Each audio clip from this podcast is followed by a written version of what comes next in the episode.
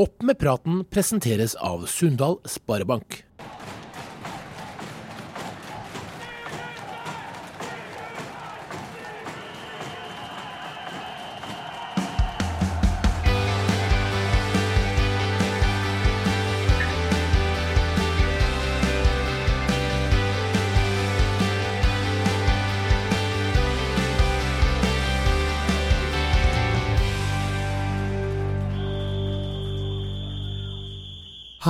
Velkommen til Opp med praten.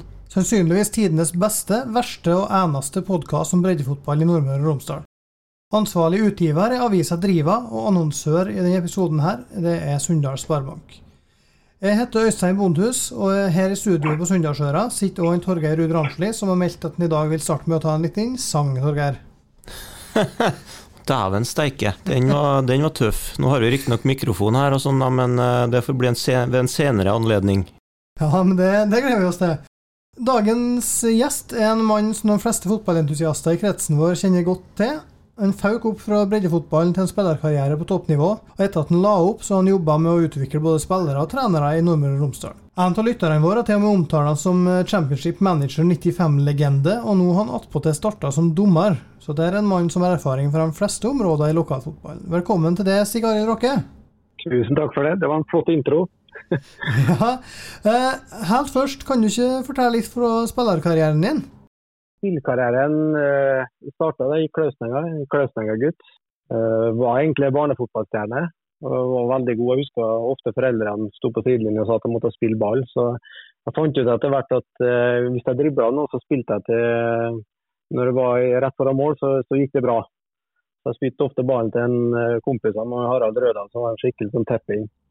Jeg var veldig god i barnefotballen. Det, det er i hvert fall en historie jeg har laga meg sjøl, som jeg bruker ut i trenerkursene. Men etter hvert så um, var det som vi var i en kompisgjeng, så vi ble litt for få spillere. Så i ungdomsfotballen så jeg til, dro jeg til, til Kristiansund fotballklubb, altså KFK. Det, det, er jo tøft ute i byen å gå til KFK, erkefienden. Men jeg var der noen år, og så gikk jeg tilbake igjen til Klausnenga i og rundt A-laget. Brytning av ungdomsfotball og A-lagsfotball.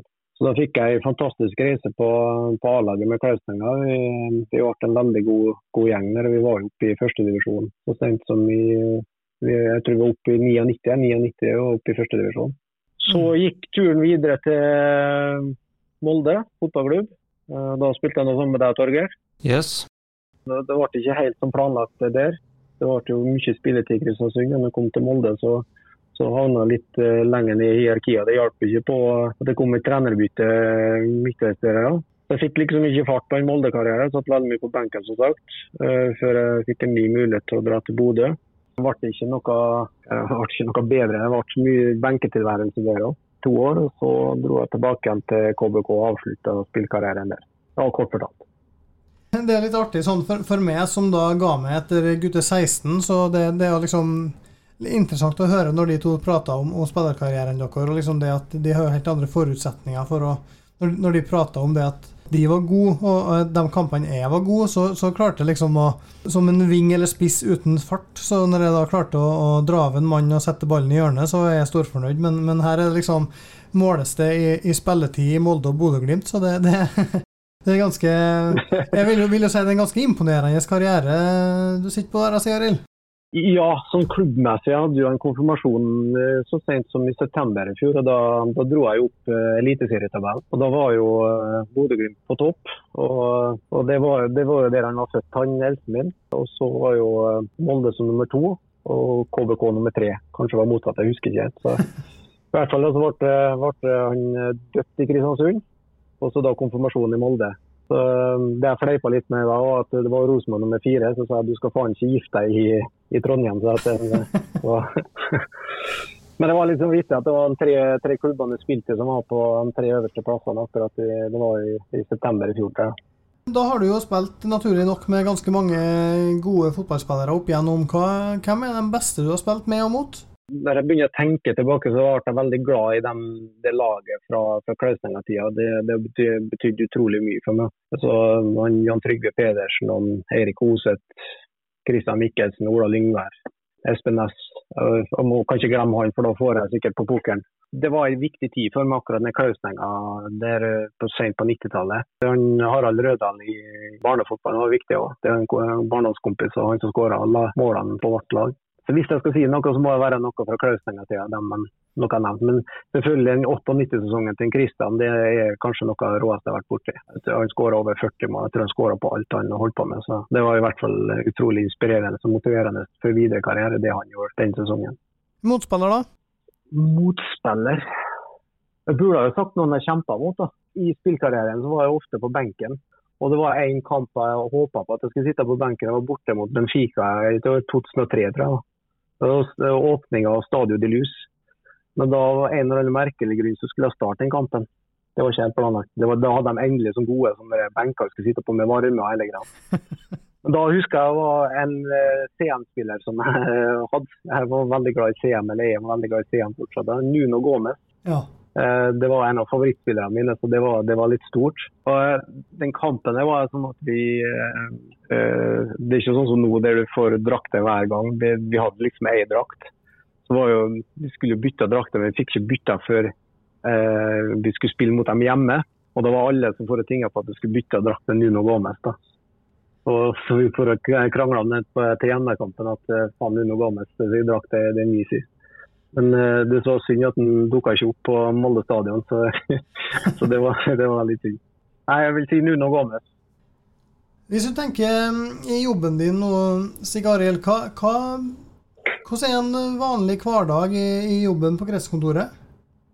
Prøver mest mulig å komme meg ut på, på klubbbesøk. Det er vel det jobben bør gjøres. På dagtid så er det mer eh, det med planlegginga. Vi har masse diskusjoner på, på kontoret. Jeg har en veldig god, god kollega i han Andreas som jobber med spillerutvikling, så vi sparer veldig mye sammen. Hvor effektive vi er på det, det skal vi ikke det trenger ikke diskutere så mye her, men det er, ikke der vi blir målt på. Det er jo ofte den utadrettede virksomheten. Det er der vi vil være. Så vi vil jo være mest mulig ute i klubbene. Så det er ikke alltid forenlig med familieliv og den type ting, og andre hobbyer. Men, eh, men eh, det er utrolig interessant å, å dra rundt, se all den positive aktiviteten og de positive folkene som er i og rundt så, så lagene i, i vår krets. Det er liksom det hverdagslige. Jeg har jo sjøl jobba i, i, fotballklubb som daglig leder eller idrettslag, og vet jo hvor mange mailer hvor mange telefoner jeg sto for, og, og mine lagledere og trenere og alt mulig. Altså, hvordan er det som Det er jo ikke så mange på gresskontoret. Hvordan er det å, å forholde seg til alle de henvendelsene som kommer i løpet av en dag? Det er jo derfor vi er Det er jo for at vi skal være en, en service til klubbene rundt oss. og Vi har vært mer bekymra hvis det ikke kom telefoner. Så vi setter pris på det. Samtidig så er det jo perioder der, eh, der det er litt mer hektisk. Eh, Bl.a. Anita som sitter med spesielt med, med serie og, og dommeroppsettet. Så har hun en veldig hektisk periode nå, og så vet vi at det, det går over. For min og Andreas del for eksempel, så er det litt roligere tider nå, nå når sesongen er i gang. Så da må vi prøve å planlegge litt og, og bistå andre ting på kretskontoret her. Og Are, Marianne og Marius de har ting å gjøre, dem òg. Ikke glem dem. Du var innom det med mm, dommeroppsett. Eh, du har jo starta som dommer nå. Hva er bakgrunnen for det? Godt betalt. Nei, du, eh, det starta egentlig med jeg, jeg, jeg, jobber veldig mye med, med veiledning. så Jeg var, var litt sånn trigga av det i starten.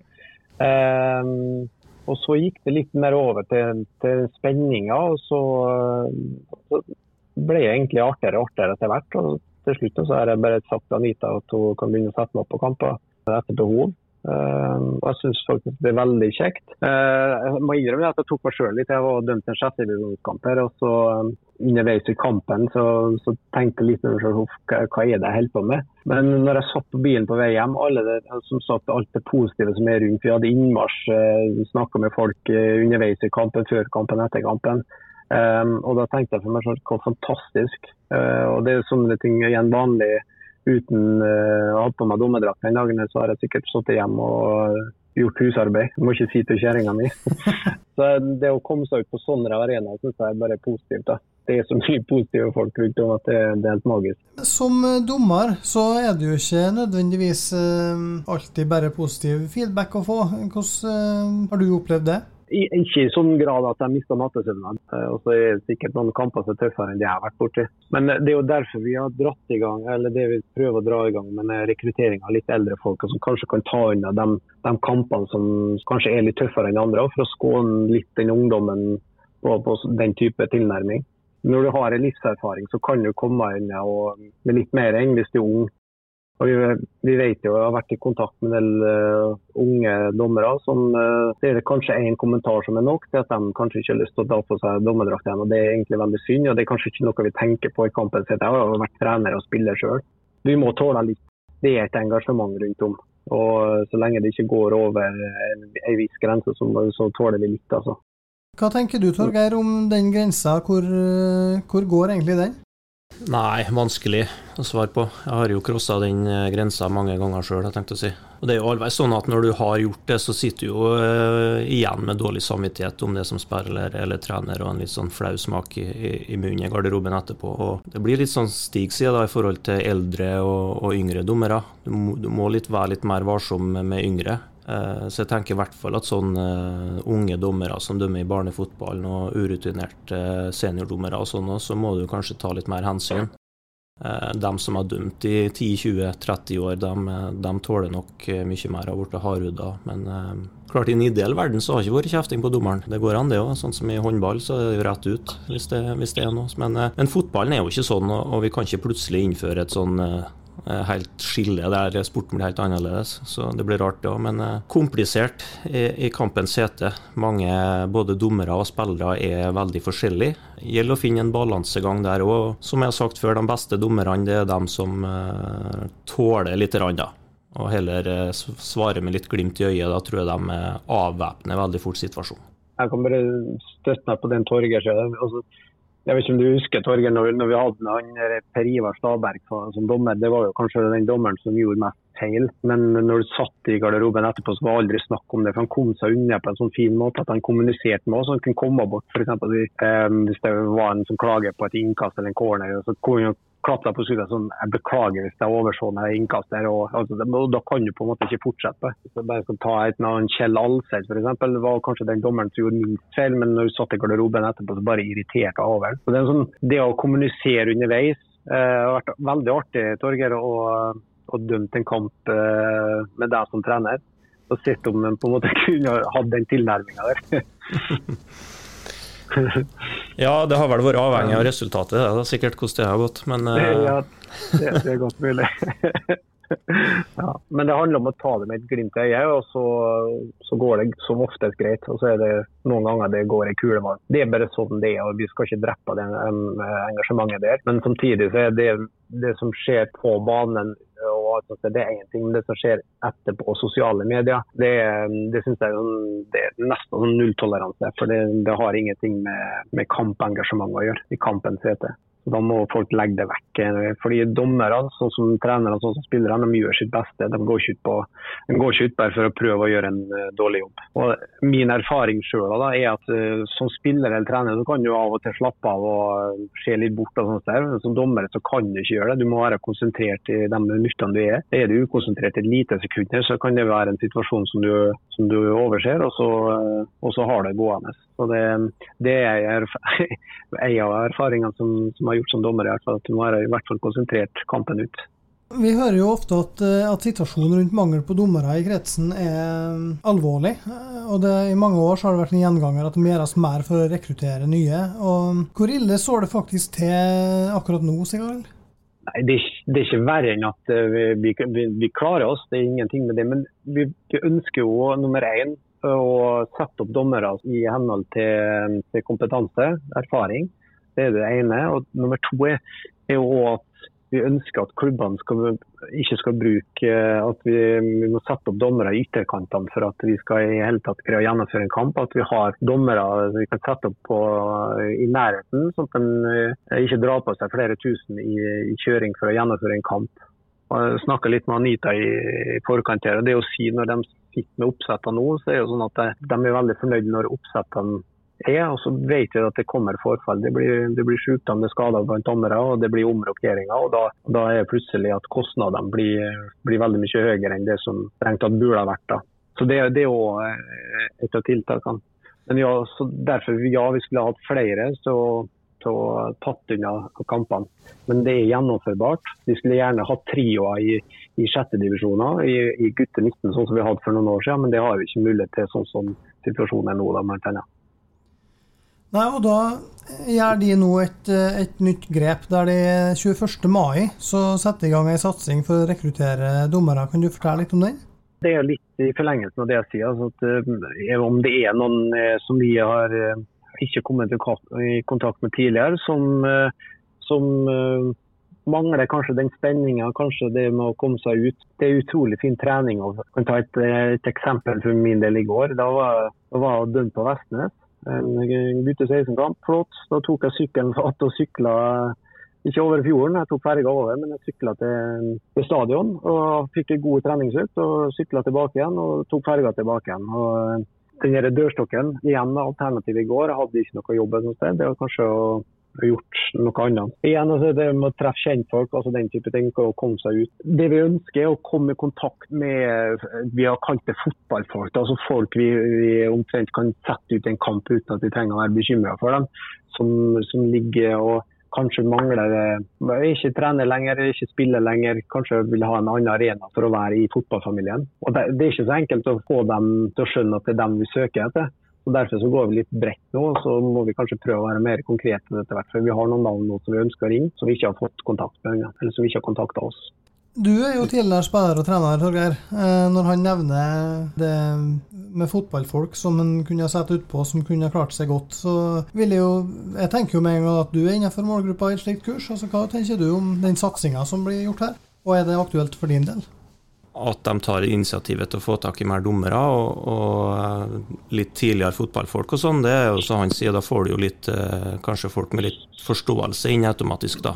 Og det er jo ikke noen forutsetning det for å bli en god dommer, men jeg tror jo det er en fordel du har eh, forståelse og kan lese kampbildet og lese sitt kroppsspråk blant spillere. og sånn. For min del er nok ikke det så aktuelt. Jeg er altfor glad i den andre eh, delen av, av, spillet. Det med å utvikle lag og konkurrere om, om, om å vinne og, og, taktiske grep og sette sammen eh, lagdeler. og Underveis i kampene hvilke grep du må ta for å snu et kampbilde eller forsterke et kampbilde. Alt sånt. Så uh, jeg er nok altfor glad i den biten til, til på noe dommerkarriere. Og så veit en ikke hvordan det har gått, da. Sjøl om man kanskje ser på seg sjøl som en, en uh, hva skal jeg si, klok fotballspiller som skjønner spillet og, og, sånt, så er det ikke sikkert du evner å være noen dommer for dem. Det er jo helt andre mekanismer og dynamikk som slår inn. så det er ikke sikkert det har gått så bra heller, hvem vet.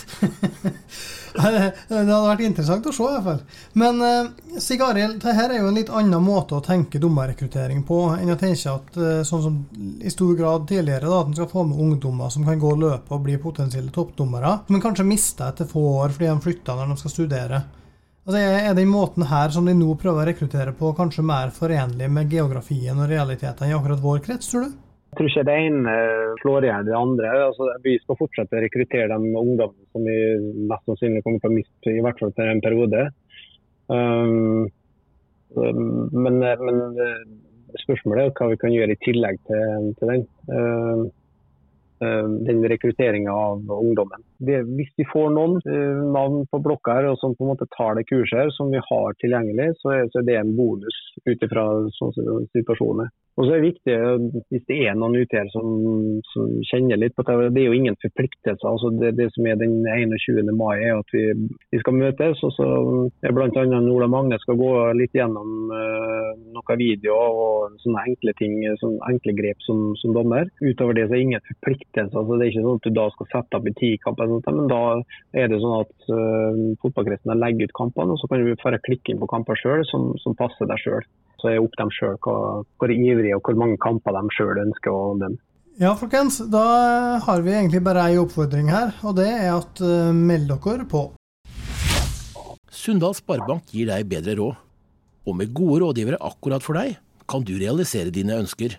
Sunndal Sparebank finner du på Sunndalsøra, i Molde, Kristiansund, Ålesund og nå i Surnadal. I fjerdedivisjon så skjedde litt av hvert i helga. Vestnes Varfjell fikk besøk av KBK2, den 2-4. Malmefjorden Misund 2-3. Sunndal Dale 1-1 i toppkampen der. Det ble resultatet òg mellom KFK, CFK og Åndalsnes. Tomrefjord slo Treff 4-0, og Surnadal slo Eide 4-1. Torgeir, er det noen kamper her som du ikke hadde forutsett resultatet av? Jeg tror ikke det. Nei, du traff bra. Ja. eh, var ingen overraskelser her, nei. Eh, Sterkt av Misund slo Malmefjorden borte, men, eh, men ikke noe overraskelse. Ellers så var det vel rimelig rett fram. Du var jo på, på Sande og så Sunndal Dale, toppkampen. Hvis vi begynner med den, hva, hva fikk du se der? Nei, du fikk se en dårlig kamp på en dårlig bane i et etter hvert veldig dårlig vær, eh, som, som prega i hvert fall andreomgangen. Jeg syns Sunndal er litt bedre i første, og så syns Dale er best i andre, og Dale nærmest seieren.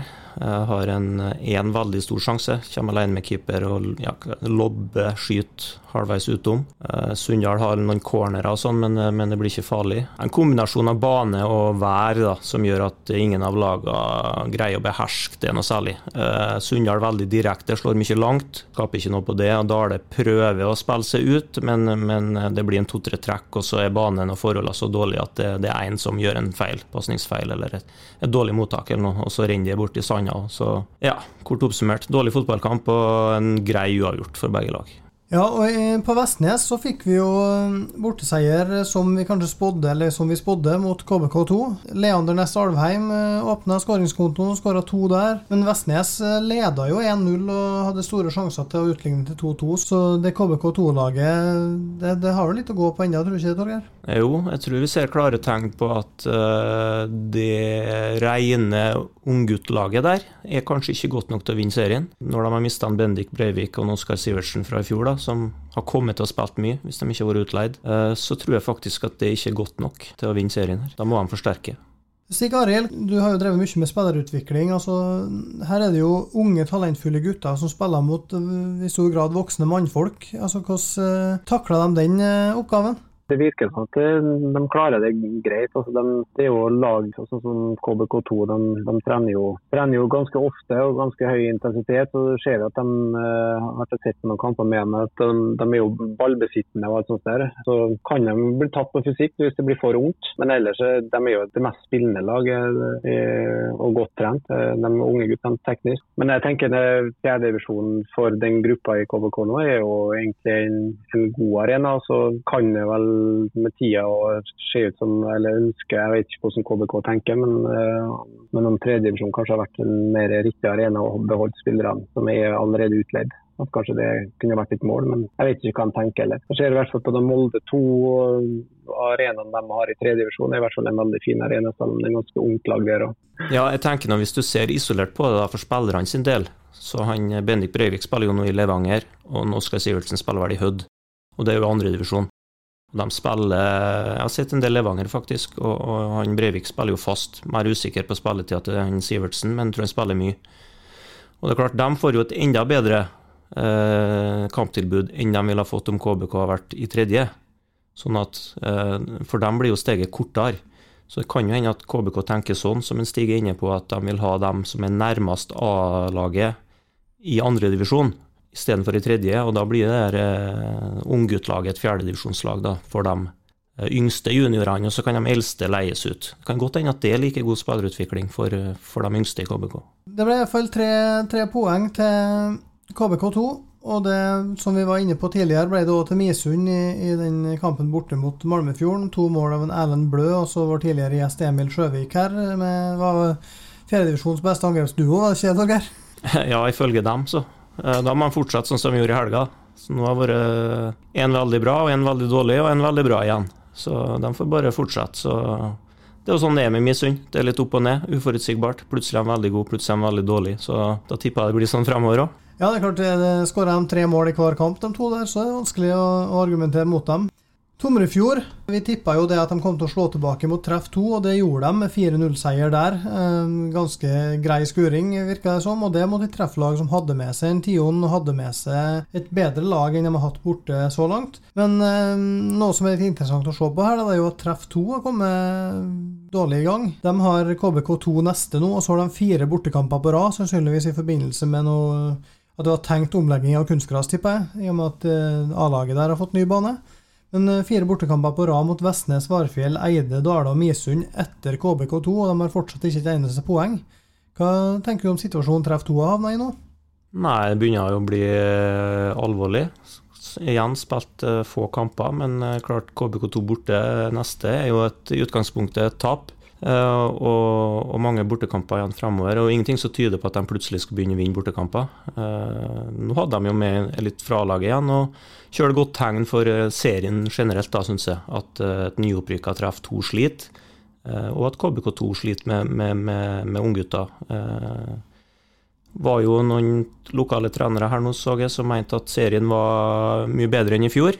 Og det, og det, viser de resultatene og de tegnene der. Vi eh, tyder jo på det, da. Eh, og det syns jeg er gledelig. Eh, nyopprykka lag skal slite, og en gjeng unggutter skal slite hvis de lokale lagene skjerper seg, sånn som det ser ut som de har gjort. Så det, det syns jeg er bra. Hva tenker du Sig Arild, om merker de på kretskontoret nå til altså engasjementet rundt seniorfotballen i kretsen vår nå kontra tidligere? Ikke sånn mer eller mindre, men vi, vi, følger, vi følger, med. Og vi syns den fjerde, spesielle fjerdedivisjonen er jo helt fantastisk. Eh, det er jo øverste i vår lokale serie, så, så det, den engasjerer veldig. da. Vi er, vi, vi er veldig fascinert av den fjerde. Det må vi bare ærlig innrømme. Engasjementet ligger der, og den, den, kjenner vi litt på. Det gjør vi. Ja, det, det er jo vi her i podkasten òg. Fjerdedivisjon er jo en stor del av det vi sitter og diskuterer uke etter uke. og Torgeir var inne på det her i stad med en uh, trener som uh, syns at nivået har gått opp, og det er Vebjørn Holten i Surnadal. Uh, han sa det etter Eide Omegn-kampen der de vant 4-1 nå i helga. Surndalen tok jo der over tabelltoppen i en kamp som var ja, I likhet med den på Sande, så var det prega av veldig masse vær og vind. Og det er jo ofte sånn på Syltørene der det ble rett inn fra fjorden òg, at det blir nesten motvind begge veier av og til. Og det gjorde jo at kampen var ikke noe sånn det var ikke noe veldig fint spill. Eide var god i begynnelsen. Men Surnadal sleit litt med å plukke opp Einderberg Inderberg på, på høyrekanten i begynnelsen. Fikk justert, uh, justert forsvaret litt. Rydda vekk litt den farligheten. Ruben Toven ble veldig alene utover, og, jeg syns Eide sleit med å hjelpe backene sine, altså flytte folk for å, å gi backene sine hjelp. Det, det var, ble veldig masse to mot én-situasjoner for Surnadal som ønska å sette opp på kant. Kom etter med enten back- eller indreløper og skapte, skapte, overtall ofte. Og det endte jo 4-1 da med hele angrepsrekka til Surnadal på skåringslista for andre kamp på rad. Og Tore Næss indreløper som banens beste og, og fjerde målskårer der, så da er Surndalen eh, serieleder etter tre runder. Og da er det rett og slett en cupkamp mot KBK sitt A-lag som er neste for dem, Torgeir. Hva tror du om den kampen? Nei, eh, det blir noe dumt å si noe annet enn at KBK skal vinne den, da. Men eh, ja, det er jo tunge tider ute i byen nå, nå da. Lite poeng. Senest i går en smell, og har jo knapt midtstoppere igjen der, ser jeg. Så det blir vel noe omrokeringer eller noen gutter, kanskje noen nye på tur inn. Kanskje de vil hvile litt, eh, gi spilletid til folk som har spilt lite. Og det er ikke så sikker på at det er til Surndal sin fordel. Da kommer det kanskje inn noen sultne som vil vise fram og vil inn på eliteserielaget igjen. Så ja, nei da, det cupbomber har skjedd før, og det har skjedd større bomber enn at Surnadal skal få med seg noe der, jeg har tenkt å si. Eller dra det til ekstraomganger, eller hvem veit. Men eh, jeg tror nå ikke det er veldig sannsynlig, da. Stor bane på Syltørene og favoriserer egentlig det beste laget, da, sånn sett.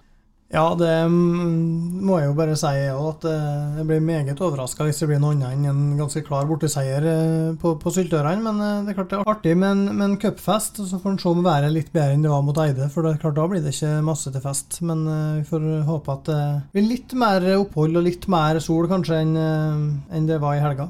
KFK CFK møtte Åndalsnes i, i helga. Der ble det 1-1 i en kamp der begge lagene sannsynligvis hadde sett ut det her som en kamp det var mulig å, å, å ta. Jeg så at Budrikas på Åndalsnes, altså treneren der, han, han, mener at det her er Han er godt fornøyd med spill og, og syns at de viser mye bra. De var jo nærme med en uh, Sindre Kavli Hammervoll som fikk en stoppa på strek der, som var nesten utrolig at det ikke går inn. Altså, KFK mener jo at de eh, er nære å avgjøre på, i andre enden, men det her er vel eh, to lag som eh, per i dag framstår ganske jevngode, Torgeir? Ja, ser sånn ut. Så litt highlights fra den kampen òg. Det var jo en enorm sjanse der da man Hammervoll ikke Kavli da, ikke fikk i mål. Det var litt uheldig med tverrliggeren. Nei, det så helt jevnt ut og ja, litt sånn typisk, da. At det blir ett poeng til begge lagene i den kampen. og det mye uavgjorte, da. det blir ikke rik av. Det blir nok en eh, kamp nedi der for begge to. Ja, og hvis en da ser på, på neste serierunde, så skal KFK og CFK ha besøk av Vestnes Varfjell, som nå skal begynne å spille bortekamper etter å ha åpna sesongen med masse hjemme. Hva, hva, tenker du om den? Jeg var jo litt positiv til Vestnes, da. De eh, trodde det var litt go rundt dem, men det blir lite betalt. De greier ikke å avgjøre jevne kamper. Nå syns jeg at de har litt offensivt arsenal altså, i Vestnes. Kjenner jo ikke til fysisk form, og sånn, men Elling og Amund Stavem de to nye fra treff. Må kunne gå an å skape litt mer, tenker jeg. De, eh, plutselig så vant de jo tre kamper i fjor, da. Eh, deriblant to borte, så det er jo ikke noe umulig. Så kan godt ta en del poeng framover Vestnes. Men uh, igjen, det blir lite av uavgjorte, altså. Mye uavgjortkamper, da, da blir det nedre halvdel.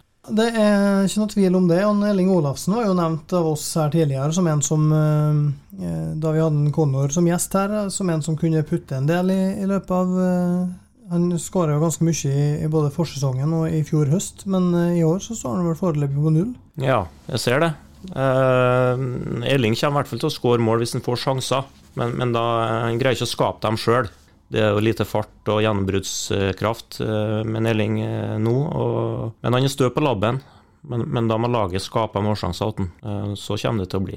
Eide Tomrefjord, jeg vet ikke, Stig Arild, har du en som kretskontoransatt, har du lov til å og, og, hva har du lov til å melde om kampene her?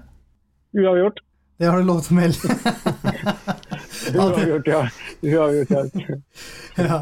Kun Nei, det, ja, kun Nei, det som jeg syns er litt kjekt med den fjerdedivisjonen, er jo vi nevner Konar. Altså, det er jo en, en veileder som vi bruker i vår krets. og så har lyst til å kommentere ting når det jevne kampene ikke greier å avgjøre det. Så har jeg lyst til å, melde det et eller annet, men jeg skal la være den settinga her. Skal skåne for det.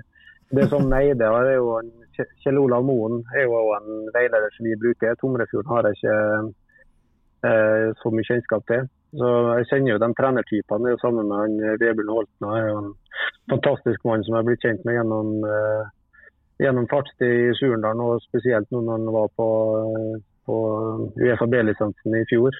Eh, og Der fikk jo virkelig eh, bli bedre kjent med Vebjørn, som er en fantastisk mann. Så, Det er jo med å engasjere sammen med Sunndalen. Jeg kjenner jo en Rune Bolden. er jo en person som vi kjenner veldig godt sammen. Ole Bjørnbjørn. Uh, Misund er jo Han trener jo sammen med på gutte 9 på, i Molde fotballklubb. Vi har jo Sønne som er like gammel.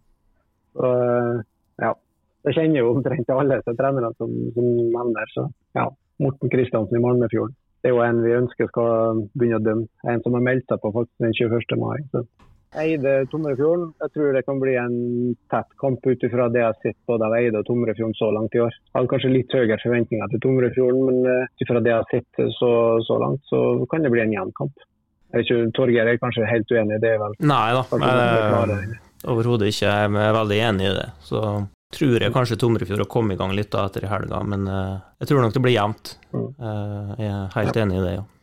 Så skal jo Misund-Sunndal det skal jo streame på driva.no, så den, den, vises jo der. Så der er det mulig å se, se den kampen. Hva forventninger har du nå til, til et Sunndal-lag som skal ja, Været kanskje bedre borte Misund og banen enn iallfall bedre?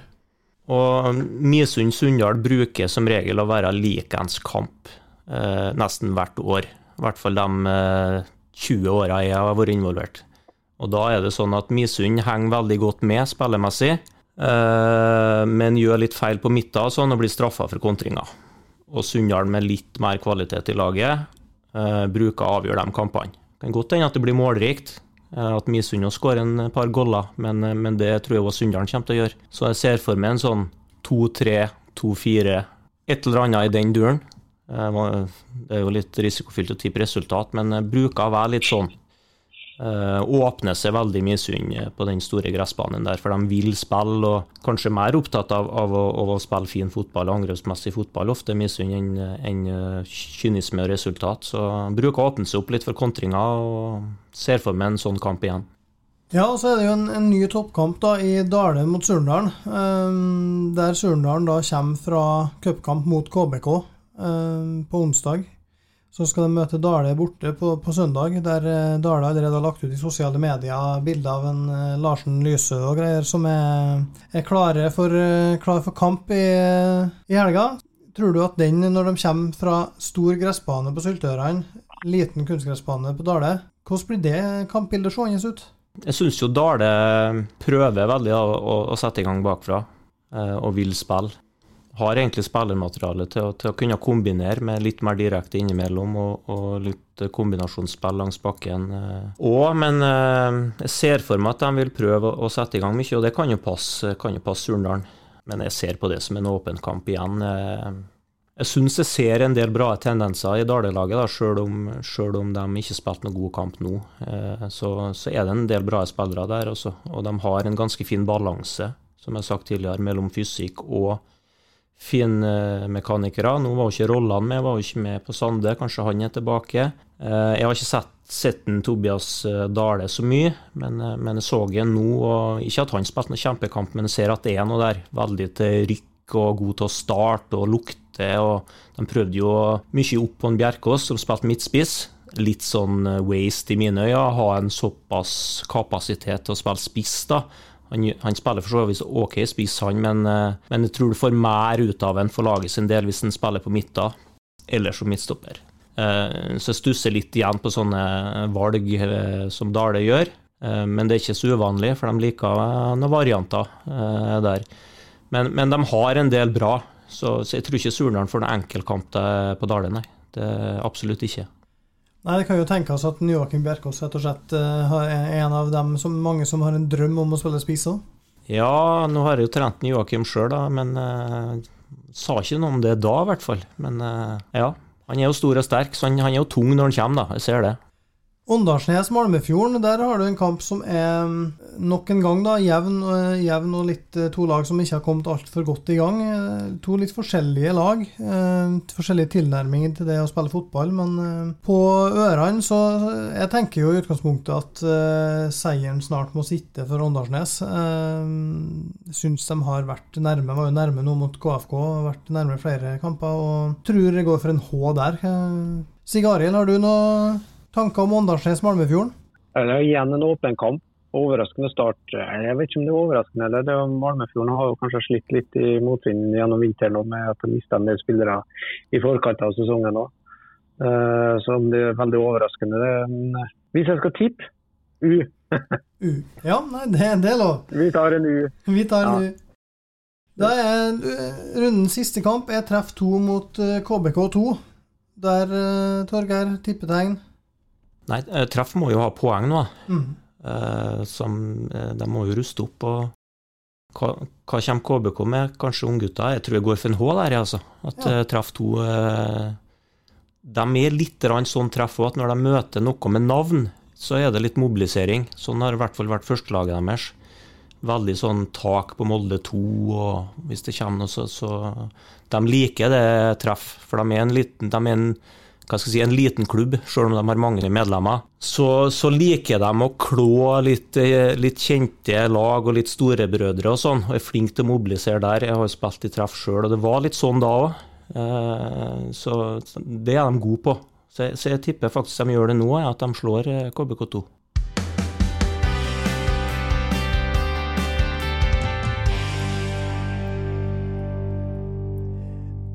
Ja, det er relativt lite å melde fra femtedivisjon og, og nedover denne uka her, men eh, Elnesvågen rival var utsatt pga. mannskapsmangel, og MSI Smøla ble flytta.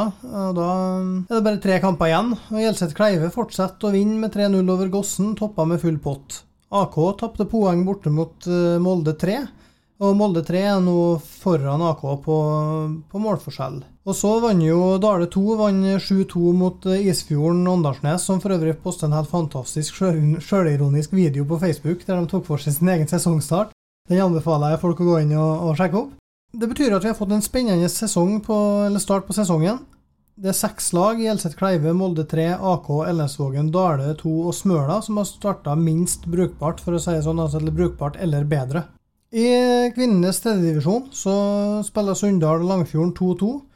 Så må vi mest sende tanker til Eide, som i løpet av få dager har tapt 0-16 mot KBK og 1-10 mot Molde 2. Eh, der har KBK tatt kommandoen i divisjonen og står med full pott, men der er det altså ikke noen som rykker opp i år, siden det er mm, omlegging i andredivisjon. Fra sjettedivisjon så vil jeg trekke fram to storskårere. Vi har fått en god start på sesongen for Martin Duås Indergård, som herja da jeg trente B-laget til Surnadal for noen år siden. Han eh, har skåra to hat trick i de to første kampene sine der i comebacket sitt for Batnfjorden.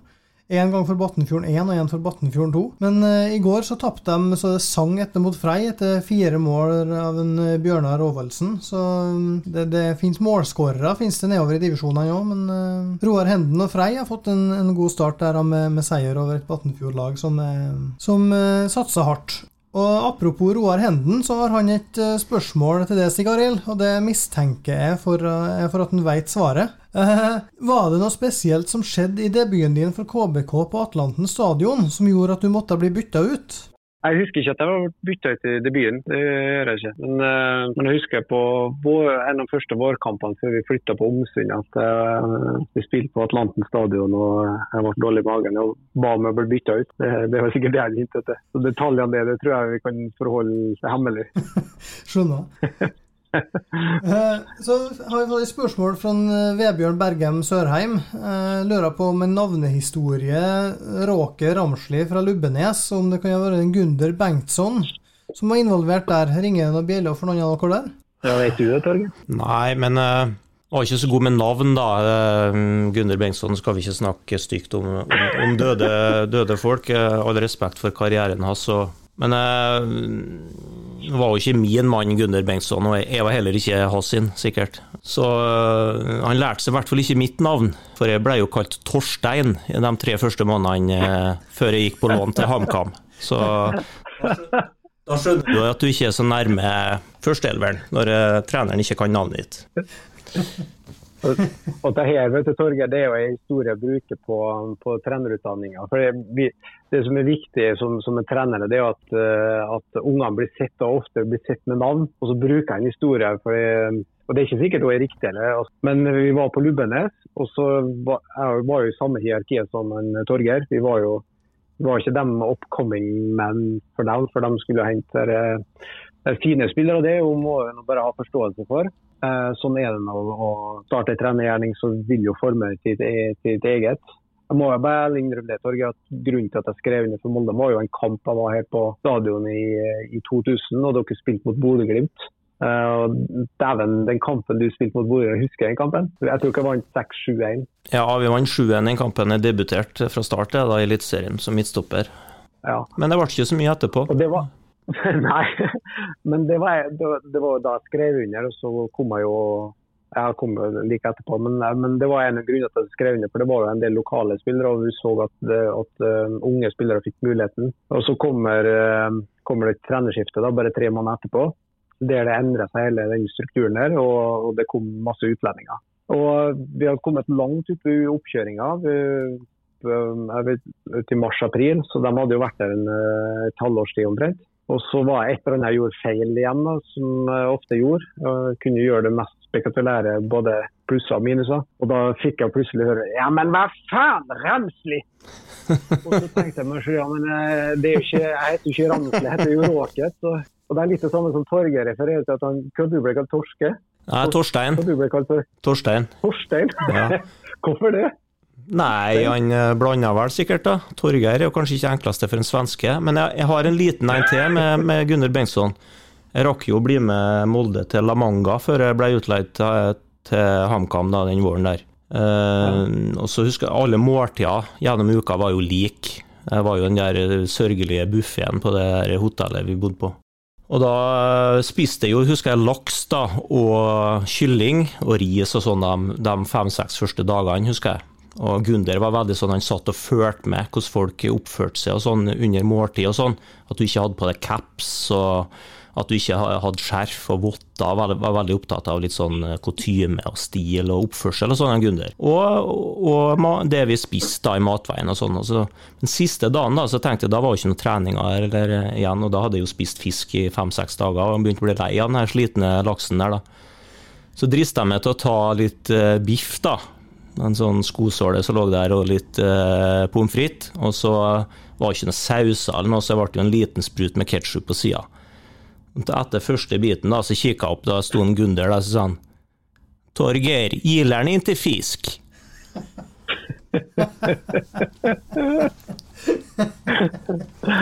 Så da skjønte jeg at det her kom ikke til å gå, da. Så ja. Men, men. Ja, men det tror jeg rett og slett at vi, vi setter strek for denne episoden med Opp med praten. Det må spise fisken deres, folkens. Det er moralen. Eh, tusen takk, Stig Arild, for at du, at du var med oss. Husk å melde dere på dommerkurs eh, 21. mai. Det er vel moralen her, er det ikke det? Jo, ingen forpliktelser. Møte opp den som eh, føler for det. Det er en lavterskel, eh, og vi ønsker å komme i kontakt med, med flest mulig.